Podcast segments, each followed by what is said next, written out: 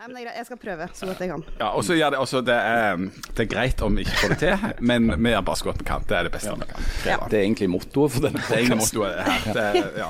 Ok, Skal vi begynne? Verna bedrift. Hjertelig velkommen. Veldig hyggelig å være her.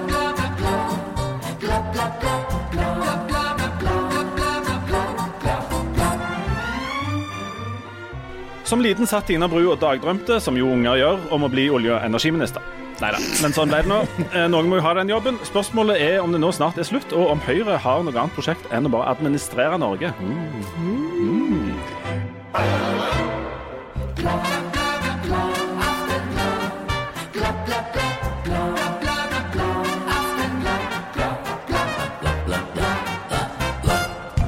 Hjertelig velkommen til Aftenbladet. I sommer har vi besøk av toppkandidatene til stortingsvalget i høst. Og i dag altså Tina Bru, selveste. Hjertelig velkommen. Takk. Er du av den typen som gleder seg eller gruer seg mest til valgkamp? Gruer meg. Ja, og hva er det du ikke Nå kan du lage en sånn litt lang liste over alt det du hater ved valgkamp. Um, åh, nei, det, hvor, hvor lang tid har vi? Nei, det, tuller. Ehm, nei, valgkamp er jo gøy, men det er, bare, det er så ufattelig slitsomt. Altså, det er sånn maratonløp i å sove lite, spise litt for lite, eller bare dårlig mat, egentlig. Eh, og hele veien være på konstant. Så det er veldig, veldig tungt, selv om det er kjekt. Ja, og så er det jo sånn at I og med at dere har styrt landet nå i en åtte års tid, eh, vil du si at du er mest i forsvarsposisjon eller angrepsposisjon, for å bruke noen litt triste metaforer for fotballen? Eh, nei, man blir jo automatisk mye i forsvar fordi man jo har styrt i mange år, og det er jo det er bare helt naturlig. Men, men jeg tror fordelen min er at jeg har jo ikke vært statsråd så lenge. Eh, så jeg føler at dette er helt nytt. det er sånn jeg har det. ikke sant? Så jeg har jo bare, jeg har lyst til å kjøre på, gønne på, jeg. Ja.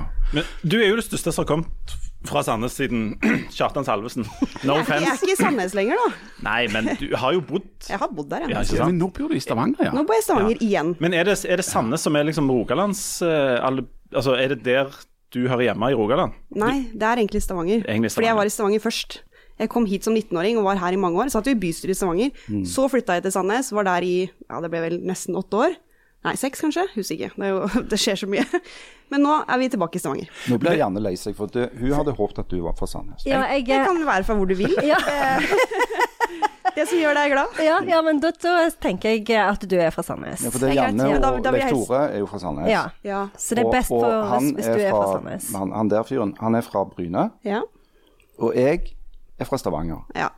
Og Det jobber i. Stavanger Aftenblad, og er den eneste som egentlig hører hjemme her. Ja, Og du da, nå. Ja, ja, ja. Og jeg nå. Ja, så bor nå noen av oss i Stavanger. Men, eh, men jeg, vil, jeg trodde nå at du gjerne ville blitt glad i og med at ditt mål er å være den mest rike og berømte personen fra Sandnes. Som er litt komplisert med det. Det er Ingebrigtsen-folk. Hvis du legger deg til sides, Ja. så er jo Tina Bru Jeg vet ikke om du er rik, men du er iallfall ganske berømt. ja, jeg er jo, er jo litt letta. Eh, Det er jeg jo. Ja. Eh, og så òg fordi at eh, når Jakob Ingebrigtsen tok den rekorden, og så eh, tidligere, så sa jo kommentatoren at gutten fra Lura. Så de er mer fra lurene, føler jeg. Ja, Jeg tipper jo at han snart flytter til Monaco av økonomiske Ja, så da- så da, Har du slipper, da vurdert- er du alene på Ja, toppen ja. igjen. Du har ikke vurdert Monaco, du? Monaco. Av økonomiske grunner. men, men bare for å ha fått slått det fast anbefaler Gandal. Det er veldig bra der. Er det bare Skatteparadis?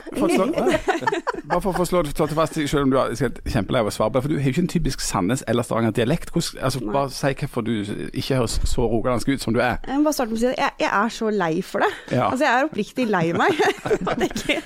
Altså, jeg, jeg kan hvis jeg vil, men da må jeg drikke liksom i hvert fall to til tre glass vin. Da kommer det helt naturlig. Ja. Ja. Ikke så lett i edru tilstand. Men forklaringen på det er jo ikke sant? Faren min er stavangermann. Han er født og oppvokst i Stavanger. Bru. Ikke sant? Det, er, det hører til her. Det er ikke tilfeldig at navnet mitt er Bru, det er slektsnavn fra Bru.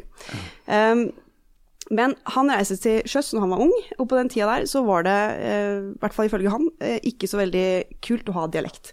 Så det var mange som både la av seg dialekta si når de reiste ut. Og så traff han eh, mora mi, som er fra Moss i Østfold. Og når han traff henne, så snakka han østlandsk. Så de har alltid gjort det sammen hjemme. Eh, og så ble jeg født, og så flytta vi overalt, mange år i USA og sånn, og de har alltid snakka østlandsk hjemme. Så det er der min dialekt er fra. Men det er veldig forvirrende nå, for jeg er jo gift med en fyr fra Stavanger.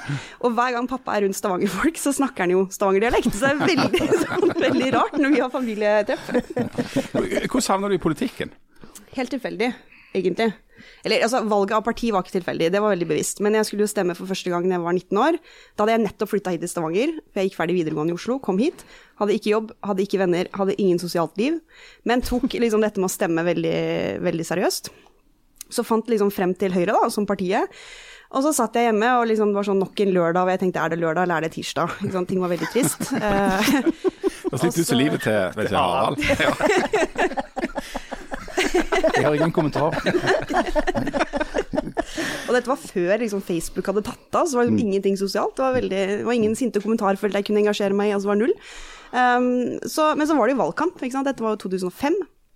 Og så rusla jeg bare ned på Høyres hus uh, og tenkte jeg kan jo melde meg frivillig, eller noe sånt. Og så ble jeg kjent da med masse kjekke unge Høyre-folk, og så ble det liksom min sosiale vennekrets, egentlig. Og så balla det på seg. Men, men når du sier at det ikke var tilfeldig at det ble partiet Høyre, at det var veldig bevisst, da Ja. må du si noe om ideologi og orientering, og hvorfor det ikke var tilfeldig. Ja, de som, de som har fulgt meg i politikken, vet vel fra før at jeg kanskje ikke er liksom verdens mest ideologiske drevet politiker. Det er ikke jeg som liker å ha sånne lange filosofiske samtaler over rødvin om eh, Det er hva Torbjørn. er Ja, det er Torbjørn sin jobb. Ja, ikke sant. Og jeg husker veldig godt jeg var i Unge Høyre, og vi var på landsmøter, og det var nachspiel, eh, og Torbjørn var der. Så bare gikk jeg fra de nachspielene, for det var så snork, ikke sant. Det var bare Ja, men hva er det egentlig å være konservativ? Ikke sant? Jeg orker ikke. Jeg synes David. Hume. Ja, Edmund Burke sa jo? Ja. Nei, jeg, jeg bare melder meg av, da. Jeg syns ikke det. Så jeg må innrømme det. Jeg er ikke så fan av det. Men jeg er jo verdidrevet, og det er jo også ideologi. Men det som gjorde at det ble Høyre Først var det jo egentlig SV jeg hadde tenkt å stemme på. Fordi jeg hadde en i min veldig begrensa liksom, omgang med politikk før jeg faktisk skulle ta et valg, jeg hadde sånn inntrykk av at SV er et parti som er opptatt av unge folk. Så jeg tenker det er bra. Um, og så begynte jeg å lese programmet, og så fant jeg vel ut etter sånn to sider at nei, dette er jeg jo ikke enig i. Og så ble det videre, kom til Høyre, og så begynte jeg å lese skolekapitlet, for det, alltid, det var der jeg begynte hos alle på den tiden der, for da var jeg jo bare 19 år, akkurat ferdig med skolen. Og da traff det med en gang. Altså jeg følte meg veldig hjemme i måten de beskrev hva skolen skulle være da, for da hver enkelt elev. Og det var liksom den som traff meg, den derre alle er ikke like, alle har forskjellig utgangspunkt. Vi må sikre at alle får liksom Er du flink i noe, så skal du få ekstra utfordringer. Er du svak i noe, så skal du få ekstra hjelp. Folk er ikke A4. Og det var den overordna greia som trakk meg til høyre, da. Men den 19 år gamle Tina Bru som satt og bladde der eh, Hvis noen hadde fortalt henne at eh, i en alder av 35 så skulle det samme mennesket være eh, nestleder i Høyre og olje- og energiminister i Norge, og en person som stadig nevnes som en fremtidig lederkandidat i Høyre, hadde du, hva hadde du tenkt da? Da hadde jeg løpt andre veien og dratt på fest med de andre vennene mine som jeg hadde fra Carlings, hvor jeg jobba på en tiden der. Det er det jeg hadde gjort da. Og alternativet ditt var, altså ditt var en karriere i Carlings og vanlige venner. Og, Ja, jeg elsket det. Altså, jeg jobba, jeg jobba masse på Romsø. Og jobba på Carlings og syntes det var perfekt. Det var liksom, kunne ikke bli bedre enn det. Alt var kjempegøy.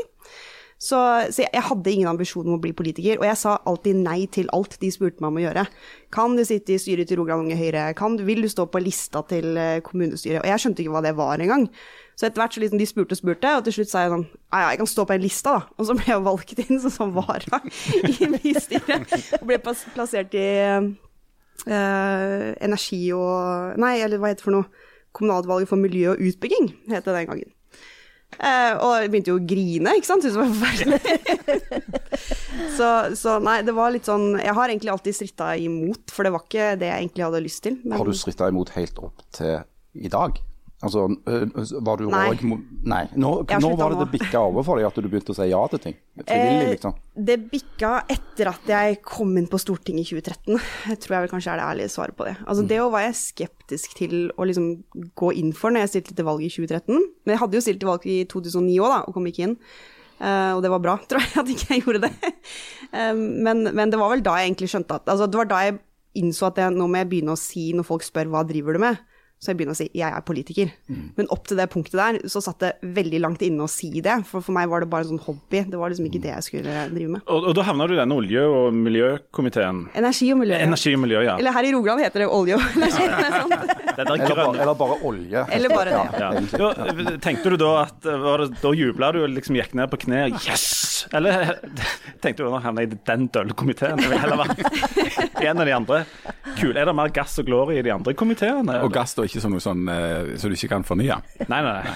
Ja, det må være i næringen, altså driver med landbruk i så fall. Men Men når du har Er det, er det er, næring som er partykomiteen på Stortinget? nei, det er jo det er ingen som er partykomiteen. Men, men det er jo energi- og miljøkomiteen som jeg tror får lov å være med på de kuleste tingene. Eh, men kultur må jo være eh, Jo, det er jo sikkert. De har Ja. mye festivaler Men sånn. de har ingen penger. Nei, det er sant. men det, dette, Det er jo, dette er jo den mest rogalandske komiteen. For vi, Ja. Eh, vi, vi er jo de siste som òg sier olje, da, istedenfor energi Mm. og sånne ting. Um, hvordan har det vært? Og har- du liksom hatt eh, Du har jo brent for dette med olje, og energi og gass siden du var da tolv? ja. Nei, men det var altså Egentlig for å svare på det du spurte om først, da. Så nei, jeg jublet ikke når jeg ble plassert i den komiteen. For jeg kom, altså, I 2013 da jeg kom på Stortinget, så var jeg 27 år gammel. Det jeg hadde lyst til, var å sitte i utdanning. Som veldig mange som har sin fortid i ungdomspolitikken vil, så vil de inn i den komiteen. For det er det du kjenner best, og det du er mest engasjert i. Så puttet de meg da i energimiljø, eh, og jeg tror faktisk at det er litt sånn Hun er fra Rogaland, så det passer jo bra. Nemlig. Litt sånn. Det er østlandsrasisme. Ja. Men så havner vi i den der olje, da. Da er vi jo inne i det som er en av sakene til valget, og som flere partier, altså der det er virkelig eh, stor diskusjon nå. Eh, hvem skal gjøre med denne oljegreia? Skal vi lete etter mer? Skal vi pumpe mer av det opp? Skal vi la være med det? Um, og Der er det flere partier som da har profilert seg på at de vil uh, avvikle dette, denne industrien, rett og slett, uh, på, på et gitt tidspunkt. Eller kanskje ikke så klart, men de vil i hvert fall ikke lete etter mer. Og Høyre har jo uh, vært et parti som har snakket om at en skal drive med oljevirksomhet, og har støtta seg veldig på Det internasjonale energibyrået, hvis jeg ikke ja, husker feil, sin rapport om at det kommer til å trenges olje og gass framover. Og så kom det tidligere i år, der på, på våren en gang, en rapport fra IEA som eh, plutselig ikke stemte så godt med det som Høyre tidligere har sagt når de støttet seg på det, nemlig at kom, på et visst tidspunkt så er det ikke behov omtrent for dette, og det trengs ikke egentlig å letes et, etter noe nytt. Hvordan eh, skal du i oljefylket Rogaland snakke om olje og gass og energi framover i valgkampen? Det, det blir jo stadig en mer krevende debatt. Det er det jo ingen tvil om. Eh, Det har jo egentlig vært en utvikling i flere år. Men jeg må si at jeg er veldig glad at når jeg først da kom inn i den komiteen på Stortinget i 2013, så fikk jeg hovedansvar for olje. Og det er jeg veldig glad for i dag, fordi jeg brukte den anledningen til å lære meg så mye om det. For jeg tok det så innmari alvorlig. For jeg følte på det her, er en sånn ung jente som skal liksom inn og stå i debatt med liksom alle oljefolka. Men det er en kunnskap jeg har veldig nytte av i dag, og ikke minst i jobben jeg har nå, selvfølgelig. Men, men det som mangler i den debatten, og nå blir jeg engasjert allerede nå, kjenner jeg, men det som mangler i den debatten, er at den er så snever.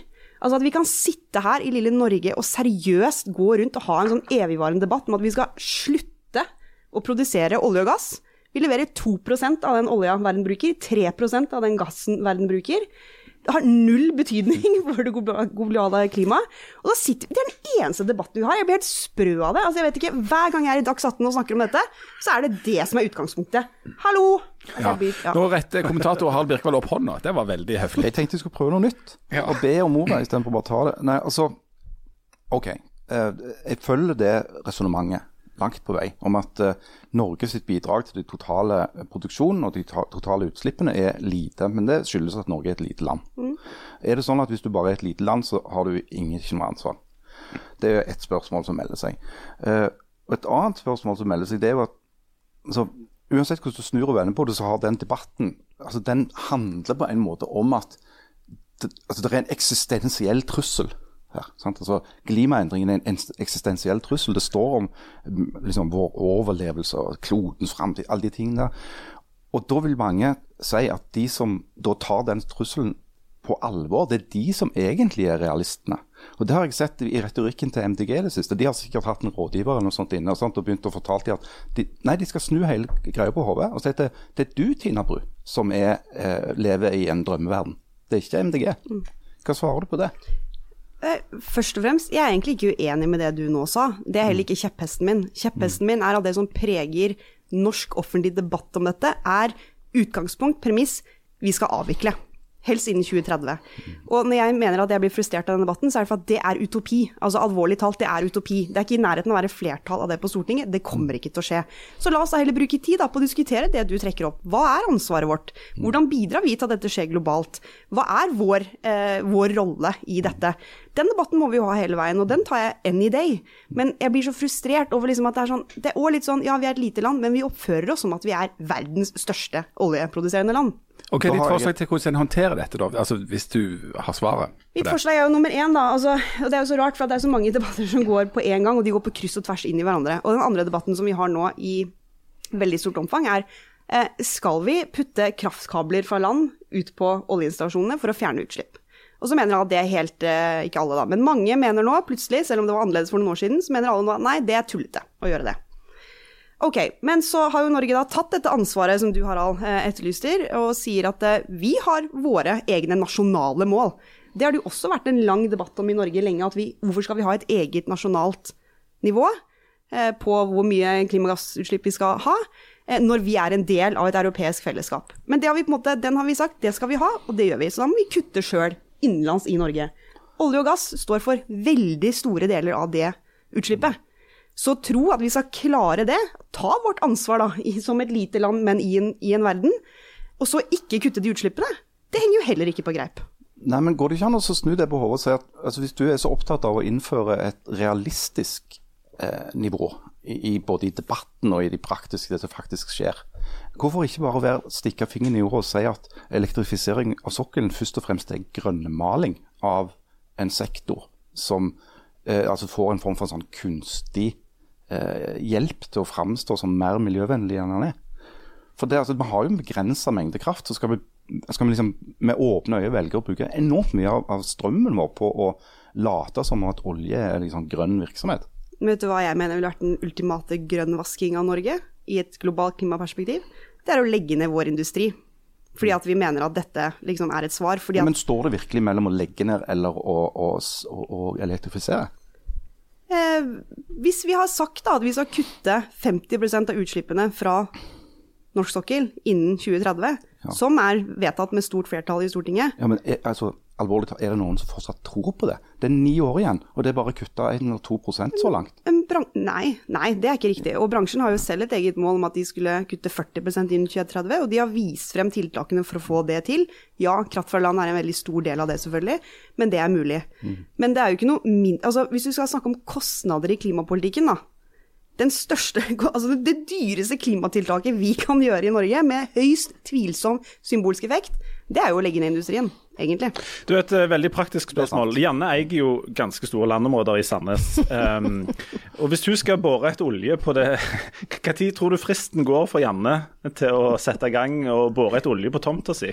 Hvor, hvor langt perspektiv um, har denne bransjen i ditt hode? Det kommer helt an på hvor eh, kostnadseffektivt du kan gjøre det. Janne er ikke kostnadseffektiv. Nei, Du har mange gode vits. kvaliteter, Janne, men kostnadseffektiv er det nok ikke. Nei, så er det veldig mye leire på den tomta. Ja, så det høres ut som en Ja. krevende produksjon. Du, når, når du er olje- og energiminister, så må du selvfølgelig snakke og bli spurt mye om olje og energi. Men eh, hva slags andre ting eh, Hvis du skulle hatt, eh, gjort noen andre politiske ting, hatt et annet departement og sånt, hvor eh, Er du forbi dette med utdanning og skole og sånt, eller ehm, Altså, jeg har det jo kjempegøy der vi er nå, så jeg har lyst til å vinne valget fordi jeg har lyst til å fortsette med det. Jeg har jo bare gjort det knapt halvannet år, så jeg har jo masse jeg har lyst til å gjøre. Og jeg la jo frem en stor stortingsmelding rett før sommeren. eh, Men, men det som er det andre perspektivet i det, som ikke bare er et rent sånn energispørsmål, altså enten olje eller ren kraft, er jo næringsutvikling. Det er jo det jeg syns er veldig spennende. Og alle de mulighetene som, som ligger liksom åpent for Norge da, i den framtida vi skal inn i. Vi snakker veldig mye om klimautfordringen som et veldig sånn stort problem. Det er en kjempeutfordring, hva gjør vi, osv. Men her i Norge så det jo, betyr det egentlig bare sinnssyke muligheter, da, hvis vi håndterer det på rett måte. Og det er heller ikke helt riktig som, som du sa i stad, Harald, om at ikke vi har nok kraft til å gjøre disse tingene. For vi har stort kraftoverskudd i Norge. Vi kommer til å ha det til 2030, kommer til å ha det til 2040. Og vi kan ha det også fremover, hvis vi jevnt trutt også produserer mer fornybar energi. Og all den krafta skal jo på ingen måte gå til sokkelen. Minst av den skal til det, faktisk. Og resten skal gå til å lage nye arbeidsplasser i nye industrier. Det er det som er så sinnssykt spennende nå, da. For vi er så gode på så mange ting fra før som vi nå kan utvikle til noe nytt og lage nytt på som verden trenger. Så er, jeg syns næringsperspektivet akkurat nå er kanskje noe av det mest spennende i politikken, og fordi det er det viktigste. Fordi folk må ha en jobb å gå til. Det er liksom overordna alt. Alternativet kan jo komme og gjøre det som jeg gjør. Kalle det for en jobb. Det er et veldig godt triks. Bare late som eh, Du Jan, du har jo eh, Dette er jo mange som ikke vet, men du har jo et hovedfag sammenlignet med politikk. Som, at, som, gjør, at du elsker å ta en politikk, og så har du en annen politikk, og så ja. sammenligner du, så ser, ser, du hva som skjer. Det er to politikker. To politikk, ja. Opptil flere. Kan sammenligne så mange du vil. Er, er høyre... Hvor mange klarer du å sammenligne på en gang? Jeg kan sammenligne åtte til ti eh, politikker samtidig. samtidig. Men, men, du må ha, du må ha hovedfag hvis du skal klare å sammenligne så mange. Ja, hvis du er mellomfag, skal du kanskje en fire-fem med grunnfag, så er det bare Skjønner. et par. Du, I dette studiet ditt uh, i da sammenlignet om politikk, på hvilket tidspunkt tok foreleseren et dypt magedrag og sa og så skal vi snakke om Høyre.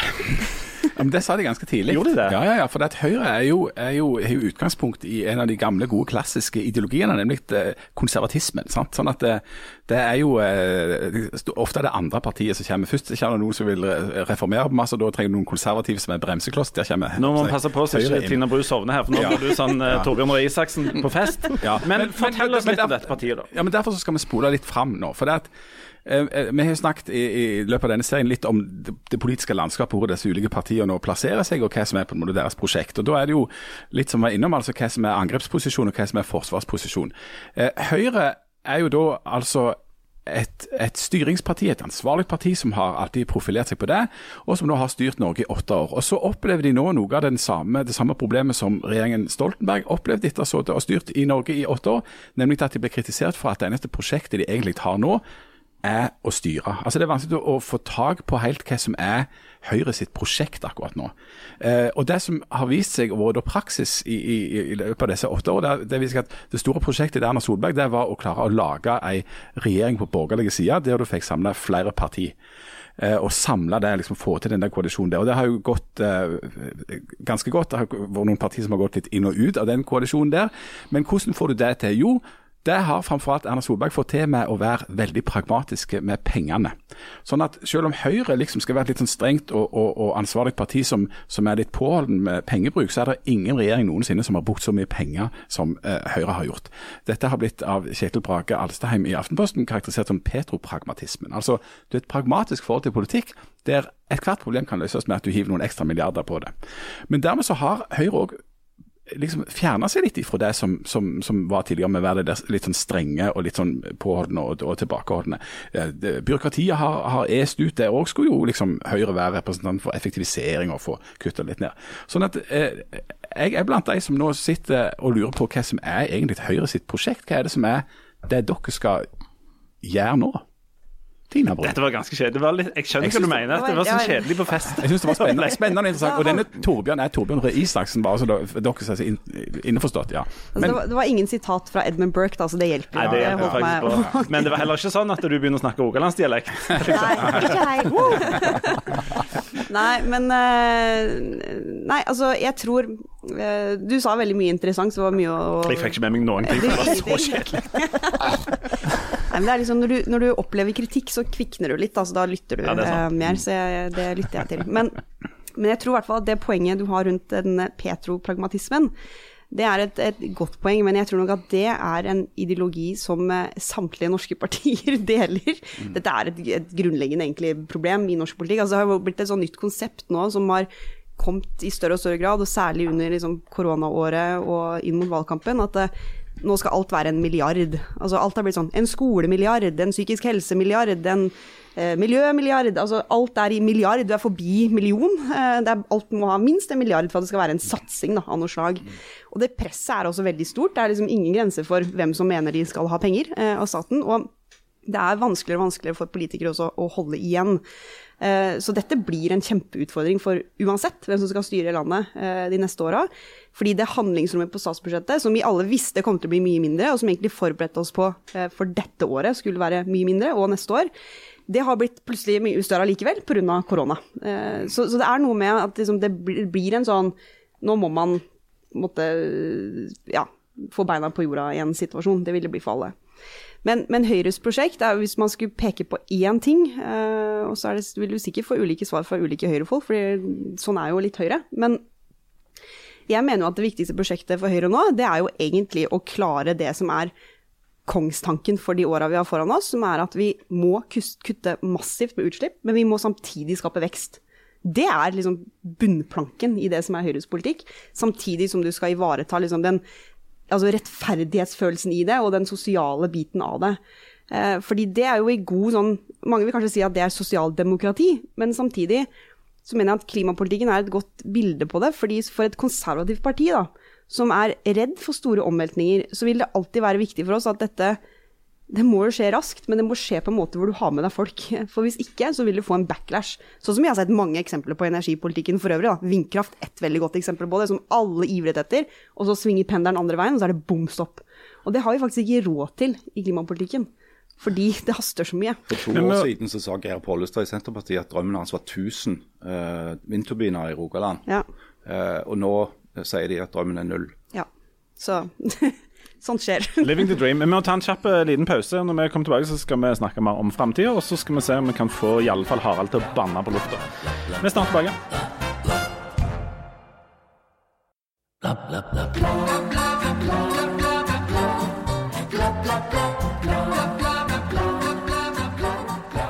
Hjertelig velkommen tilbake til um, Aftenbladet. Vi har lovt at Harald skal banne på lufta. Når var det vi gjorde det? Nei, det var jeg som gjorde det. Det er jeg som styrer butikken her. Så, og jeg banner jo ikke sjøl, derfor Vi skal uh, uh, vi skal snakke litt om, uh, om, litt grann om det å være politiker og det å oppleve hets og trusler og sånt. Du kom med et ganske sterkt forsvar for en annen, altså en politikerkollega, og det er da, Harald, vi skal få deg til å banne på lufta. Nå er det faen meg nok. Ja, det er det. Amen. Amen. Eh, Og, og ja. jeg, da kan vi jo, Det passer jo ganske godt å skyte inn da at vi i, i, i Aftenbladet har gjort vårt lille, beskjedne forsøk på å bidra til et bedre debattklima med å oppfordre lyttere til å sende oss hetsen. Eh, I form, altså på, på postkort, og så skriver du ned med bokstaver på et postkort, sender det til oss, istedenfor å sende det til f.eks. en ung eh, kvinnelig politiker på nett. Så den, og den oppfordringen står ved lag. Har du fått noe? Ja, jeg har fått en del hets. Jeg fikk eh, veldig bra hets i går, f.eks. Postkort som jeg bare kasta. Og det er en veldig grei måte å, å håndtere det på, syns, syns vi da i Aftenbladet. Vi har òg fått eh, hets fordekt som Eller skryt egentlig fordekt som hets i Ja, sonetteform. Jeg vil kalle det snikhets. snikhets. Eh, Vi har jo en, en litteraturprofessor her som sitter der, og, og er veldig glad f.eks. i limericken, som jo er lyrikkens diamant. Sa vel Janne? Ja, men, ja, men, men ta det forresten om Høyre, for at Janne hun er jo enormt rik.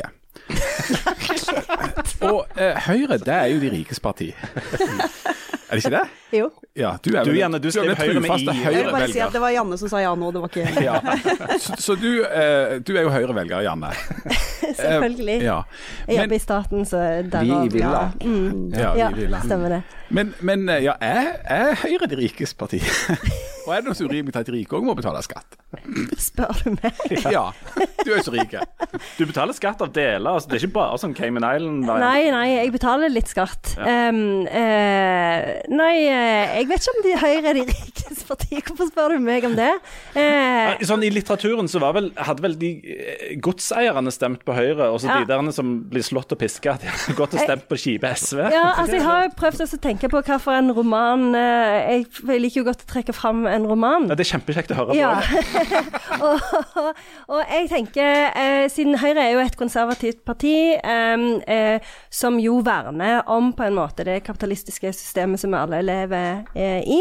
Og som Eh, alle elsker. Ja, som alle. Så jeg tenker, så jeg tenker det må være en 1800-talls engelsk roman. Eh, Og da tenker jeg Jane Eyre. Eh, fordi at eh, Jane Eyre er jo eh, en roman som har blitt feillest i alle år til å være en sånn kjærlighetsroman. Egentlig så er det jo eh, en dannelsesroman eh, som handler om eh, Jane som er, blir født eh, foreldreløs og eh, fattig og ikke pen. eh, og kan heller ikke brodere eller noen av de tingene der. Helt ubrukelig sånn. Helt ubrukelig som kvinne. Bør jo egentlig bare altså, Det kan jo ikke gå bra, men så gjør det jo det likevel, fordi at Jane får seg en utdanning. Og det tenkte jeg veldig på når du snakket om det med utdanning. Og, og det er jo en, en roman som, som eh, er veldig sånn eh, Den er veldig i forsvar for systemet. fordi de, Charlotte Bronte syns jo at det eh, systemet fungerer, men hun, men hun er jo veldig opptatt av reform, da, og at eh, Jane eh, skal kunne eh, få seg en utdanning, sånn at hun kan få seg eiendom og være en, en god borger. Og det føler jo jeg at der er jo Høyre. Og så har du jo Hun ble jo forelska i Rochester og alt det der, og så har jo han ei galen kone på loftet. Stemmer det. Eh, det tenker jeg kanskje er litt SV. SV sitter på loftet og skriker. Ja. Røde dama på loftet, det er SV. Ja. Det er derfor høyrefolk og SV-ere de går ofte ganske godt sammen. Ja. Har det gøy på fest. Ja, og, og det som er For den, den der, um, um, symbolske um, fortellingen i den boka, det er jo at Jane eh, altså Den gale damen på loftet det er jo egentlig en del av Jane, som hun, for hun er veldig sint. Men hun må liksom kontrollere sitt eget sinne og bli venn med det. Så det er jo liksom Undertrykke sin Høyre indre SV på SV-er. fest. Men for, for å prøve å bygge litt på dette altså, altså Istedenfor en galen dame på loftet, så har du en galen mann i kjellerstua. Ja. Og han er et problem. Ja. Ikke sant, Tina? Det? Jo, han galne mannen i kjellerstua som eh, hele tiden føler trang til å fortelle f.eks. For unge damer i politikken at de egentlig burde vært døde, eller Ja. eh, at de er veldig stygge på håret, eller at Eller, eller. Og da var da du sa disse bremste ordene. Ja. Og det, jo, det kommer jo ikke ut av ingenting, for du har selv opplevd dette Ja, i en variant. Jo da, det er riktig det, men eh, sinnet mitt kommer nesten Altså i det tilfellet her, da, det faktiske tilfellet med Lan Marie Berg, så kom det sinnet mitt som fikk uttrykk eh, gjennom at jeg bannet i offentligheten, som noen har vært veldig, veldig opptatt av at jeg gjorde. Jeg har fått veldig mye sinte Få e-poster. kjeft for det òg, sant? Ja, jeg fikk en e-post hvor det sto eh, 'Nå bannes det mer enn det bes i bygder rundt omkring'. Det, er nok, det har nok vært sånt lenge, men, men, men sinnet kom egentlig av Ja, jeg får sånne meldinger, jeg òg, men jeg, jeg får aldri i det omfanget som hun har fått. Ikke sant? Og ikke med den karakteren heller. Ikke sant? Ren rasisme, drapstrusler en masse. Ikke sant? Altså, jeg har fått i ny og ne òg, men, men det kan ikke sammenligne. Derfor jeg ble så sint. For det er sånn, der, Hva er dette for noe? Liksom, sånn er ikke landet vårt. Vi kan ikke holde på sånn.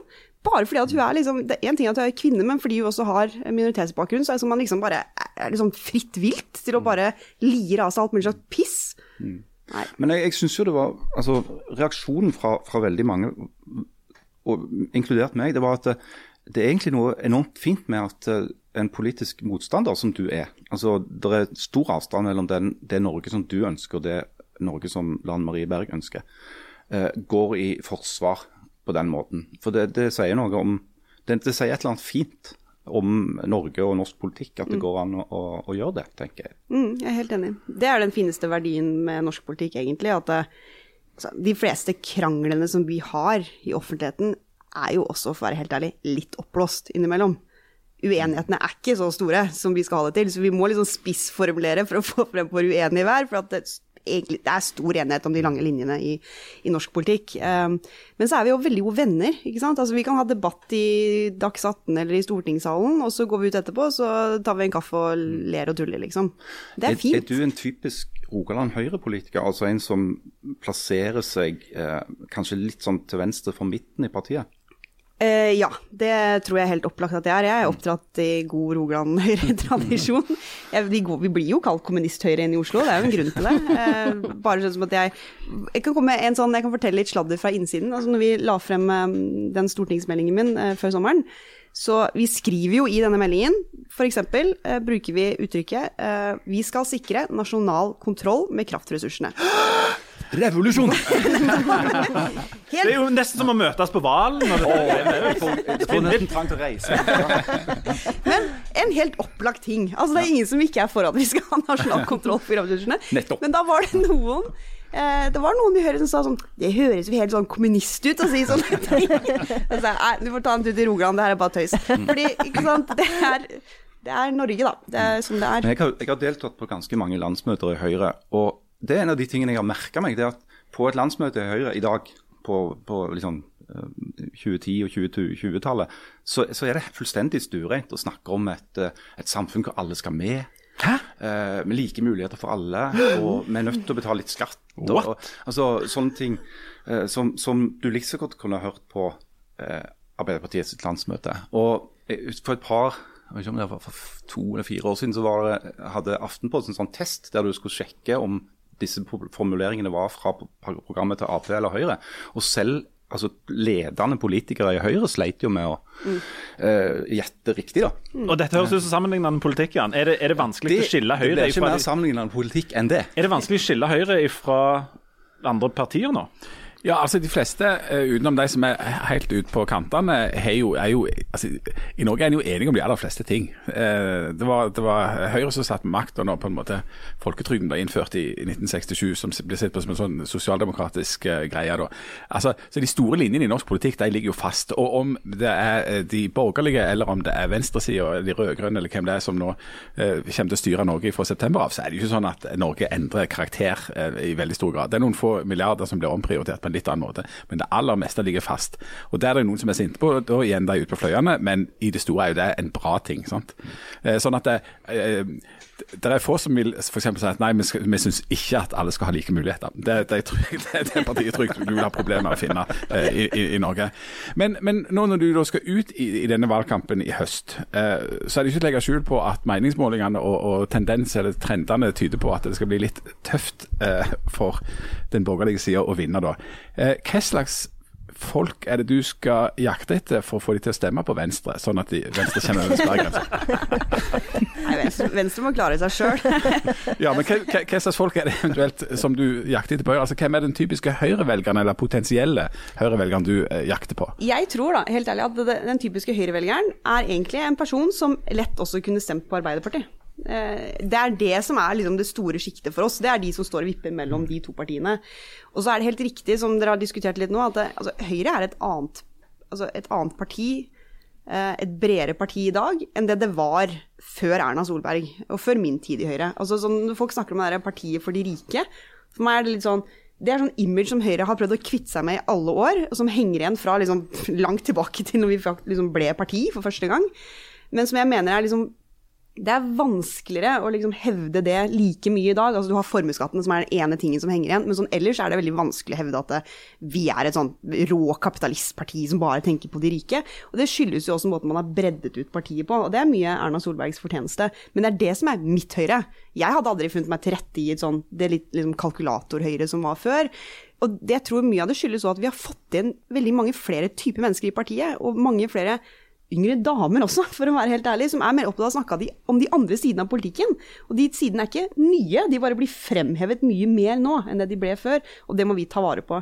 Så jeg kommer jo til å i valgkampen være opptatt av å prøve å treffe bredt, men da til de du tradisjonelt kaller lilla-velgere. Og særlig kvinner. altså Høyre har et potensial blant lilla-velgere som er damer, som ikke får, eh, får tak i nok uttelling på. Og mange av de jobber i offentlig sektor, og å prøve å liksom treffe det bedre vil være viktig for oss som får til. Men hvis det kommer et av disse, disse lilla, den, denne lille dama bort til deg, og, og, du får eh, Du har liksom 45 eh, sekunder på overbevisende om å stemme Høyre. Hva er det som er eh, selling points da? Hvis du, hvis du, bare har 45 sekunder, så pleier jeg ofte, selv om ikke jeg liker ideologi, så pleier jeg liksom å gripe til verdien, egentlig. Fordi at jeg mener at den store forskjellen på oss og Arbeiderpartiet er at vi har mer evne til å se enkeltmennesket i systemet enn å se systemet og så enkeltmennesket. Eh, og det, det, preger alt, om det er skole, om det er helse, uansett. Men det liksom alltid tenke hvordan skal vi tilpasse systemet for den personen du snakker om, og ikke hvordan skal den personen passe inn i vårt store system. Så det ville nok vært en pitch rundt det. Og så ville jeg kanskje fremhevet en del av de sakene som som jeg eh, har jobbet med å også utvikle politikken til partiet på, som jeg mener er viktig for denne gruppen. F.eks. så går vi nå til valg på eh, flere løft for liksom, barnefamiliesegmentet. da. Eh, og det kommer sikkert litt av at jeg nå er småbarnsmamma selv, ser disse utfordringene på en annen måte. Politikken skapes jo ofte av de politikerne som er i partiet, og da preges de jo av sin egen livssituasjon. Men det at eh, jeg syns det er så absurd egentlig at ikke vi ikke har hatt en større debatt i Norge om hva med alle de som ikke får barnehageplass når ungen fyller ett år? Det har vi liksom bare akseptert som sånn helt greit. At noen blir tvunget ut liksom i opptil halvannet år og må ta ulønna perm. Ingen diskuterer det. Men liksom valgfrihet og kontantstøtte og sånn, det er vi opptatt av. Hva med valgfriheten for de som vil tilbake på jobb, da? Så vi gjør noe med det, kanskje?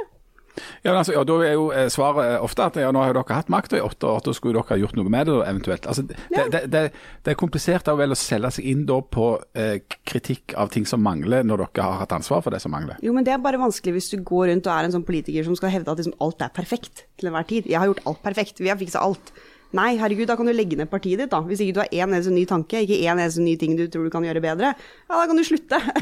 Men det, det, er jo ikke sånn der. Samfunnet utvikler seg jo hele tiden, og du må alltid ha nye løsninger. Sånn er det jo selv om du har styrt i åtte år. Eh, Høyre sin hovedutfordrer på mange måter da er jo selvfølgelig Arbeiderpartiet. Og Arbeiderpartiet i Rogaland eh, har i forbindelse med denne valgkampen lagt fram bl.a. en sånn der plan for industrireising i Rogaland. I mange punkter, og med brask og bram. Eh, med liksom Jonas Gahr Støre og Haja, hele banden. Eh, en av ideene som, som Arbeiderpartiet i kjent stil ønsker å utrede, de vil ikke gå inn for det sånn umiddelbart, men de ønsker å se på, er å lage, etablere et statlig selskap for f.eks. mineralutnyttelse. og Det er jo svære mineralressurser bl.a. I, i, i sørfylket i Rogaland. Og et statlig selskap for hydrogen. Ja. Eh, er ikke det egentlig en ganske god idé, når du ser på hva slags formidabel suksess Statoil har vært? Men det er litt sånn altså Sorry, altså, men jeg tenker det, det er, det, Alle de der ideene om nye statlige selskap som holder på alt mulig greier, det er idétørke i Arbeiderpartiet. Det er, det er, et eksempel på at de desperat prøver å finne en, en, liksom, noe de kan være uenige med oss på, fordi det vi var innom i stad, at vi egentlig er enige om ganske mye. Så må de komme med noe nytt. Så da har de liksom tatt en sånn kraftig venstredreining i liksom næringspolitikken. Og for helt ærlig, jeg er litt usikker på hvor mye de mener det sjøl, sånn egentlig, når alt kommer til alt. Er det derfor de sier de skal vurdere det istedenfor bare Ja, at de det skal tror gjøre jeg. det? Men det er liksom, hva, hvilke problem er det du skal løse? Hva er hensiktsmessigheten i det? Trenger vi mer stat i dette landet her? Trenger vi flere statlige selskaper? Vi eier jo nesten hele Oslo Børs. Hvor mye mer skal du eie, da? Og så er det jo ikke akkurat manko på privat kapital, privat initiativ. Se på hydrogen f.eks. Det popper opp med initiativ over hele landet. Er det utfordringen nå? At staten ikke er inne med skattebetalernes penger for å satse på noe som vi håper skal bli bra? Jeg tror ikke det er riktig svar. Altså, tanken kan jo være at altså, hvis dette viser seg å bli en enorm økonomisk suksess, så vil jo staten òg få enorme inntekter ved å være eier. Men det er en veldig stor forskjell på det vi gjorde med Statoil en gang i tiden, og alle disse tingene her. Om det er hydrogen, havvind, alt dette nye. Forskjellen er olje og gass, det var superlønnsomt fra dag én. Det var lønnsomt før vi begynte med det. Vi fikk hjelp av utenlandske selskaper til å utvikle det. Så når vi etablerte Statoil, så var det butikk fra dag én. Hydrogen, kjempekostbart i dag. Trenger statlig støtte for å svive. Havvind, akkurat det samme. Kjempestore kostnader på det. Og det kan godt hende at disse næringene her er framtidsnæringene. Jeg prøver så godt jeg kan å legge til rette for det gjennom den politikken og de rammene vi legger på det. Men det må jo være gjennom grunnrente og gode rammebetingelser. At du sikrer liksom statens andel fra disse potensielle superlønnsomme nye tingene da, som, som lever av naturressursene våre. Ikke at du skal for helt ærlig kan, du, gamble kan du på en måte nå nærmest gå ut og garantere at hvis det viser seg å bli superlønnsomhet i disse bransjene, så vil det komme grunnrente? For det skjedde ikke på havbruk. Det Grunnrente. Grunnrente, ja, Jeg er fra Moshaug. Noen må forklare meg hva grunnrente er. Grunnrente er en beskatning som uh, ilegges, en ekstraskatt som ilegges næringer som utnytter fellesskapsressurser, som f.eks. vannkraft, olje. Uh, og pålegges de fordi at de eh, har uh, veldig veldig høy lønnsomhet. Sånn som olje f.eks. betaler jo 80% eller 78% skatt eh, fordi de har eh, veldig høy profitt. Det er det som finansierer Janne sin forskning på engelske dikt og den slags eh, type ting. Ja, og, og mye annet. Din jobb, tror jeg òg, faktisk. det Tina meste, egentlig. Ja, det aller meste. Du, er ikke, er, ikke, er ikke det enkleste eh, argumentet for, vel, for å skaffe seg velgere i Rogaland bare å si at jeg skal sikre oljejobben til både deg, øh, bror din og mor di i 20 år? er ikke det liksom eh, Jo, men jeg tror, jeg tror eh, Det er jo Fremskrittspartiet sin jobb. Ja, ikke sant. Vi, vi blir jo Vi kan òg bli litt sånn karikert som litt sånn derre stikke hodet i sanda-parti som bare tut og kjør olje, liksom det skal vi leve av for alltid. Men det er jo ikke det vi er, og det er jo heller ikke det vi sier. Altså Her òg er fakta litt viktig, da. Det er noe med å ta inn over seg at produksjonen på norsk sokkel den kommer til å falle, tror vi, med 65% fram mot 2050. Hvis vi ikke leter og finner mer, så vil den falle enda mer. Enda bråere. Så det er jo i det perspektivet man må diskutere dette. Det er ikke snakk om å produsere mer og mer og mer og tut og kjør og tut og kjør. Det er faktisk liksom å på en måte bremse fallet, opprettholde produksjonen og gradvis omstille inn i nye ting. Men olja skal vi ha med oss i mange år fremover. Så det budskapet der, det er det ikke. Det Men du svarte Harald ikke på sier. dette med grunnrente Ja, nei, på havbruk. Nei, men det er jo så var kjedelig. Det det er jo så kjedelig. Ja, må- Jeg skal være kort, da, men det er fordi jeg har lyst til å si på det. og enormt frisk i svaret. Så blir det, right. Ikke sånn Torbjørn Røe. Isaksen på festaktig kjedelig svar. Okay. Nei, men jeg skal prøve å være veldig kort og ja, det vet ikke hvor sexy det blir da. Men når jeg, ikke sant, jeg la frem stortingsmeldingen om eh, energiressursene nå, eh, så er det masse om havvind der. Som er en potensiell sånn kan bli superlønnsom næring i framtida, er det ikke i dag. Men vi skriver i denne meldinga at hvis det blir grunnlag for grunnrente på havvind, så skal vi selvfølgelig ha det. Det er ikke noe grunnlag for å innføre det i dag. Fordi nå trenger det statlig støtte, og det er litt rart å liksom ha en veldig høy skatt på det. Eh, litt sånn som med vindkraft, det har vært det samme egentlig. Men, men vi slår fast det prinsippet fordi jeg er helt enig i at det er viktig. Eh, Så det, det må vi sikre for framtida, selvfølgelig. Hvis folk skal utnytte våre naturressurser, så skal staten ha igjen. Altså, I, i forberedelsen til denne podkasten har vi, vi har jo diskutert veldig mye sånn, både sånn ideologi og, og, og politisk perspektiv, fortid og framtid, og skillelinjer og, og saker og alt det greiene der. Og så ble det veldig sånn eh, rett og slett litt sånn strekk i laget. Og, og eh, tilløp til altså uenighet og munnhuggeri eh, når vi kom til ett tema. Og det var rett og slett at for vi mener å vite at du liker country.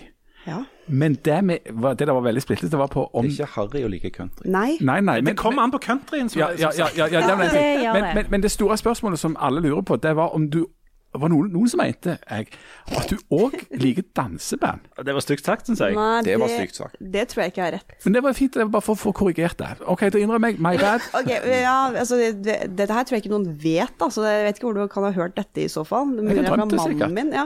Nei, men altså, det var Husker dere det som het sånn derre NRK Jukebox? Ja. Ja, nettopp. Sent på. Danseband-jukeboksen. Ja, ja, ja. ja. Veldig seint på kveldene. Ja, ja. Jeg pleide innimellom å ha på det, syntes det var litt koselig, liksom. Men det mener jeg nemlig at jeg har hørt. Har du sagt det høyt noen gang før? Jeg vet, jeg kom ikke på det, men det kan hende. Det kan ha vært når du, når du gikk fra det nachspielet med Torbjørn Røe Isaksen som snakket om David Hume. Så gikk du inn på jeg en sett ti- på noe så danseband gikk du inn i en tilstøtende suite, og så skrek du 'sett på noe danseband'. Det kan hende. Men, men hva slags eh, country er du liker, da? Nei, altså, jeg eh, jeg er jo enig i at det kommer an på country, at noe av det kan være harry, men jeg kan ikke noe for det. Jeg er litt glad i altså, Sett på Vassendgutane for min del. Altså, jeg syns det er dritgøy. Jeg var på konsert med de på Folken, beste konserten jeg har vært på. Um, men, men eh, jeg liker jo altså det, eh, Alan Jackson syns jeg er kjekt. eh, Gretchen Wilson Altså mange av disse amerikanske countrystjernene. Stor sans for. Så når, når du eh, om eh, ti år eh, eh, er statsministerkandidat, så kommer du til å liksom profilere deg som, med sånn, med sånn cowboyhatt og sånt? Det er Nei, liksom det tror jeg ikke. Plan? Det holder vel med den derre Det holder vel med at jeg er avbildet med sånn Trump-hatt. Det får Ja. holde, tenker jeg. Men er du, eh, kunne du tenkt deg eh, den jobben som din neste? Altså Si at dere ryker ut nå, da. Det er jo en fair sjanse for det. Og at dere må sitte og være imot ting i Stortinget i noen år og sånt. Og så skal, dere, så skal dere i gang igjen da, for da kollapser Arbeiderpartiet og disse om fire år. Når de opprettet alle disse statlige selskapene og, og konkurs og. Alle det er snakk om grunnrenter som ingen forstår i, i åtte år. Og så er det Støre har sagt av havrommet Ja. veldig mye. Ja, og så er, det- er det Høyre sin tur igjen, da. Og så skal, skal han eh, Torbjørn Røe Isaksen han er ansvarlig for ideologi og kjedelige fester. Og så trenger de noen til å ta styring her. Eh, er du gira på den jobben? Nei, altså det, Jeg vet du ikke kan svare Nei, skikkelig vet på det nå. jeg kan svare sånt, men, skikkelig på det, men vi får prøve å svare litt ærlig, da. Så det er litt sånn For meg så er ikke politikk alt, egentlig. Eh, Det er veldig mye. Det tar veldig mye av livet mitt. Men jeg er veldig glad i den andre delen av livet mitt, som er å være hjemme her, sammen med vennene mine, slappe av, dra på Vassendgutane-konsert. Så det er noe med Jeg har aldri Jeg har egentlig aldri planlagt å være politiker for alltid. Jeg har aldri planlagt eller sett på det som sånn karriere jeg skal ha til evig tid. Og liksom det å, å gå inn i en sånn rolle, med en sånn ja, nå skal jeg liksom kjøre hele veien, det, det krever noe ekstra, og det krever også mye mer refleksjon enn det eh, jeg har verken vilje eller lyst til å sitte og, og dra her. Men, men det er også sånn at det er altså, alltid, Hver gang man får et verv i politikken, med en gang får du spørsmål 'what's next'? Eh, ja, ja, vil du bli sånn, og vil du bli sånn? Og sånn har det vært hele veien, helt siden jeg ble liksom vanlig medlem i, i arbeidsutvalget i Rogaland Unge Høyre, så har jeg fått det spørsmålet neste. Ja. uh, og jeg, så det er litt sånn Nei, og det er rent hypotetisk spørsmål òg, og jeg tror også at hvis det er én politiker da, som kunne sittet i opposisjon i eh, fire år og så gått på en ny periode som er statsminister, så er det Erna. Altså, hun er jo ikke lei i det hele tatt. Hun er jo supergrei, for hun mailer hele tiden sånn 'Skal du ikke følge opp den saken?' Hun maser, ikke sant. Så det er jo Ja, hun er ikke, hun er ikke ferdig, hun der. Du, eh, siden, siden du liksom ikke kan eller eh, eh, svare på akkurat det, da tar, får vi ty til litteraturen da, Janne. Hun der eh, Jane Eyre jeg har, Nå kollapser Harald. eh, nå gikk han rett i grunnrentestilling her. Du, Janne, hun, ikke Jane Eyre. Kom eh, borti en sånn knapp. du, den, den, den der Jane Eyre-boka Jeg har selvfølgelig ikke lest den, for den høres så utrolig kjedelig ut. Den er Eh, kjempebra. Ja, Ja, den er ikke sant? Men hvordan gikk det med hun? Eh, Blir hun sånn galen SV-dame på loftet til slutt? Eller går hun inn i ledelsen i arbeidsutvalget, hun Jane Eyre? Eller? poenget er jo at eh, i, på 1800-tallet så var det jo bare to løsninger hvis du hadde en kvinnelig hovedperson. Eh, og det var enten så måtte du drepe dem, eller så måtte du la de gifte seg med noen. Og Charlotte Brontë hadde jo ikke lyst at Jane skulle dø. Så det at hun gifter seg jo. Men uh, Rochester som hun gifter seg med, han ble jo litt sånn blind og vansira. Fordi Charlotte Bronte ville lage litt balanse i det forholdet. Så, så, så du kan jo si at hvis vi skal liksom se symbolsk på det, det så er det jo det som skjer at eh, Jane blir med i det gøyeste utvalget, da, og tar kontrollen over godset. Nei, det er jo Nei, det er jo ikke hun. det er Det er jo bare han- Thomas. Ja, ja. Det er det. Eventuelt Torbjørn Røe Isaksen. Eh, det, ja. Det er jo, det er litt det er jo forferdelige greier, dette. Ja, det er jo det, men det, det fungerer. Men sånn er det, liksom. Mm, ja. Ja. Du, vi skal, vi skal avslutte. Du gruer deg en hel haug til valgkampen, ikke sant? Som du Ja, altså, jeg, jeg må prøve å sove meg opp gjennom sommerferien for å overleve. Jeg er veldig glad i å sove. Så, ja. Du får lykke til. Tusen takk. Eh, og så eh, skal vi runde av. Og så snakkes vi neste uke. Ja, men jeg var en gang på et quizlag med Torbjørn Røe Isaksen. Isaksen. Klarte du å holde deg våken? Nei, nå får han mye tyn her. Han er jo egentlig ganske grei. Han er veldig sant? hyggelig. Eller velmenende, men, men han, han har jo en hang til det filosofiske. Ja, ja, men det er det er noe av det bra. Men Så Du, du må jo ha hang til det filosofiske. vant dere eller vant dere ikke? Det er jo det vant- dette handler om. Ja, det er det som er problemet, vi vant ikke. Det hjalp ikke å ha sånn, to sånne åndshøvdinger innenfor ideologi. Du, du, er vent litt, du og Torbjørn Røe Isaksen? Nei, Torbjørn Røe Isaksen er noen jeg har glemt navnet på. Jeg har vært på quizlag med Atle Simonsen i Fremskrittspartiet på- under Arendalsuka. Ja, hvordan gikk det? Men vant Oi. På grunn av han eller på grunn av deg? på grunn av han. Han kunne alt om olja. Helt nifst. Var det en oljequiz? Det var en oljekvist, ja, i regi av Norsk olje og gass. Og det Var det, var det spørsmål om grunnrenta? Ja, det var det faktisk. Og det hadde vi rett. Vi åpner ikke den krukka igjen. Nå sier vi ha det, og så snakkes vi om en uke. Ha det! Ha det.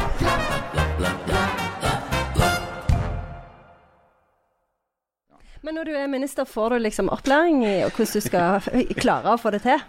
Ja, du må jo kunne sånne ting. Ja. Ikke gjennom eh, sånne ventiler i taket. Grunnle grunnleggende du- fluktteknikk. Det er liksom sånn- jeg har en dame i kommunikasjonsavdelingen i departementet som er utrolig streng. Så hun er litt sånn Hun skyr ingen midler sånn 'Nå må vi gå!' Og så baner hun seg. Ja, du har hun istedenfor. Har en sånn. Men litt sånn grunnleggende ninjaferdigheter, det bør jo Ja. være en del av opplegget Ja, jeg vurderte det. for nye statsråder.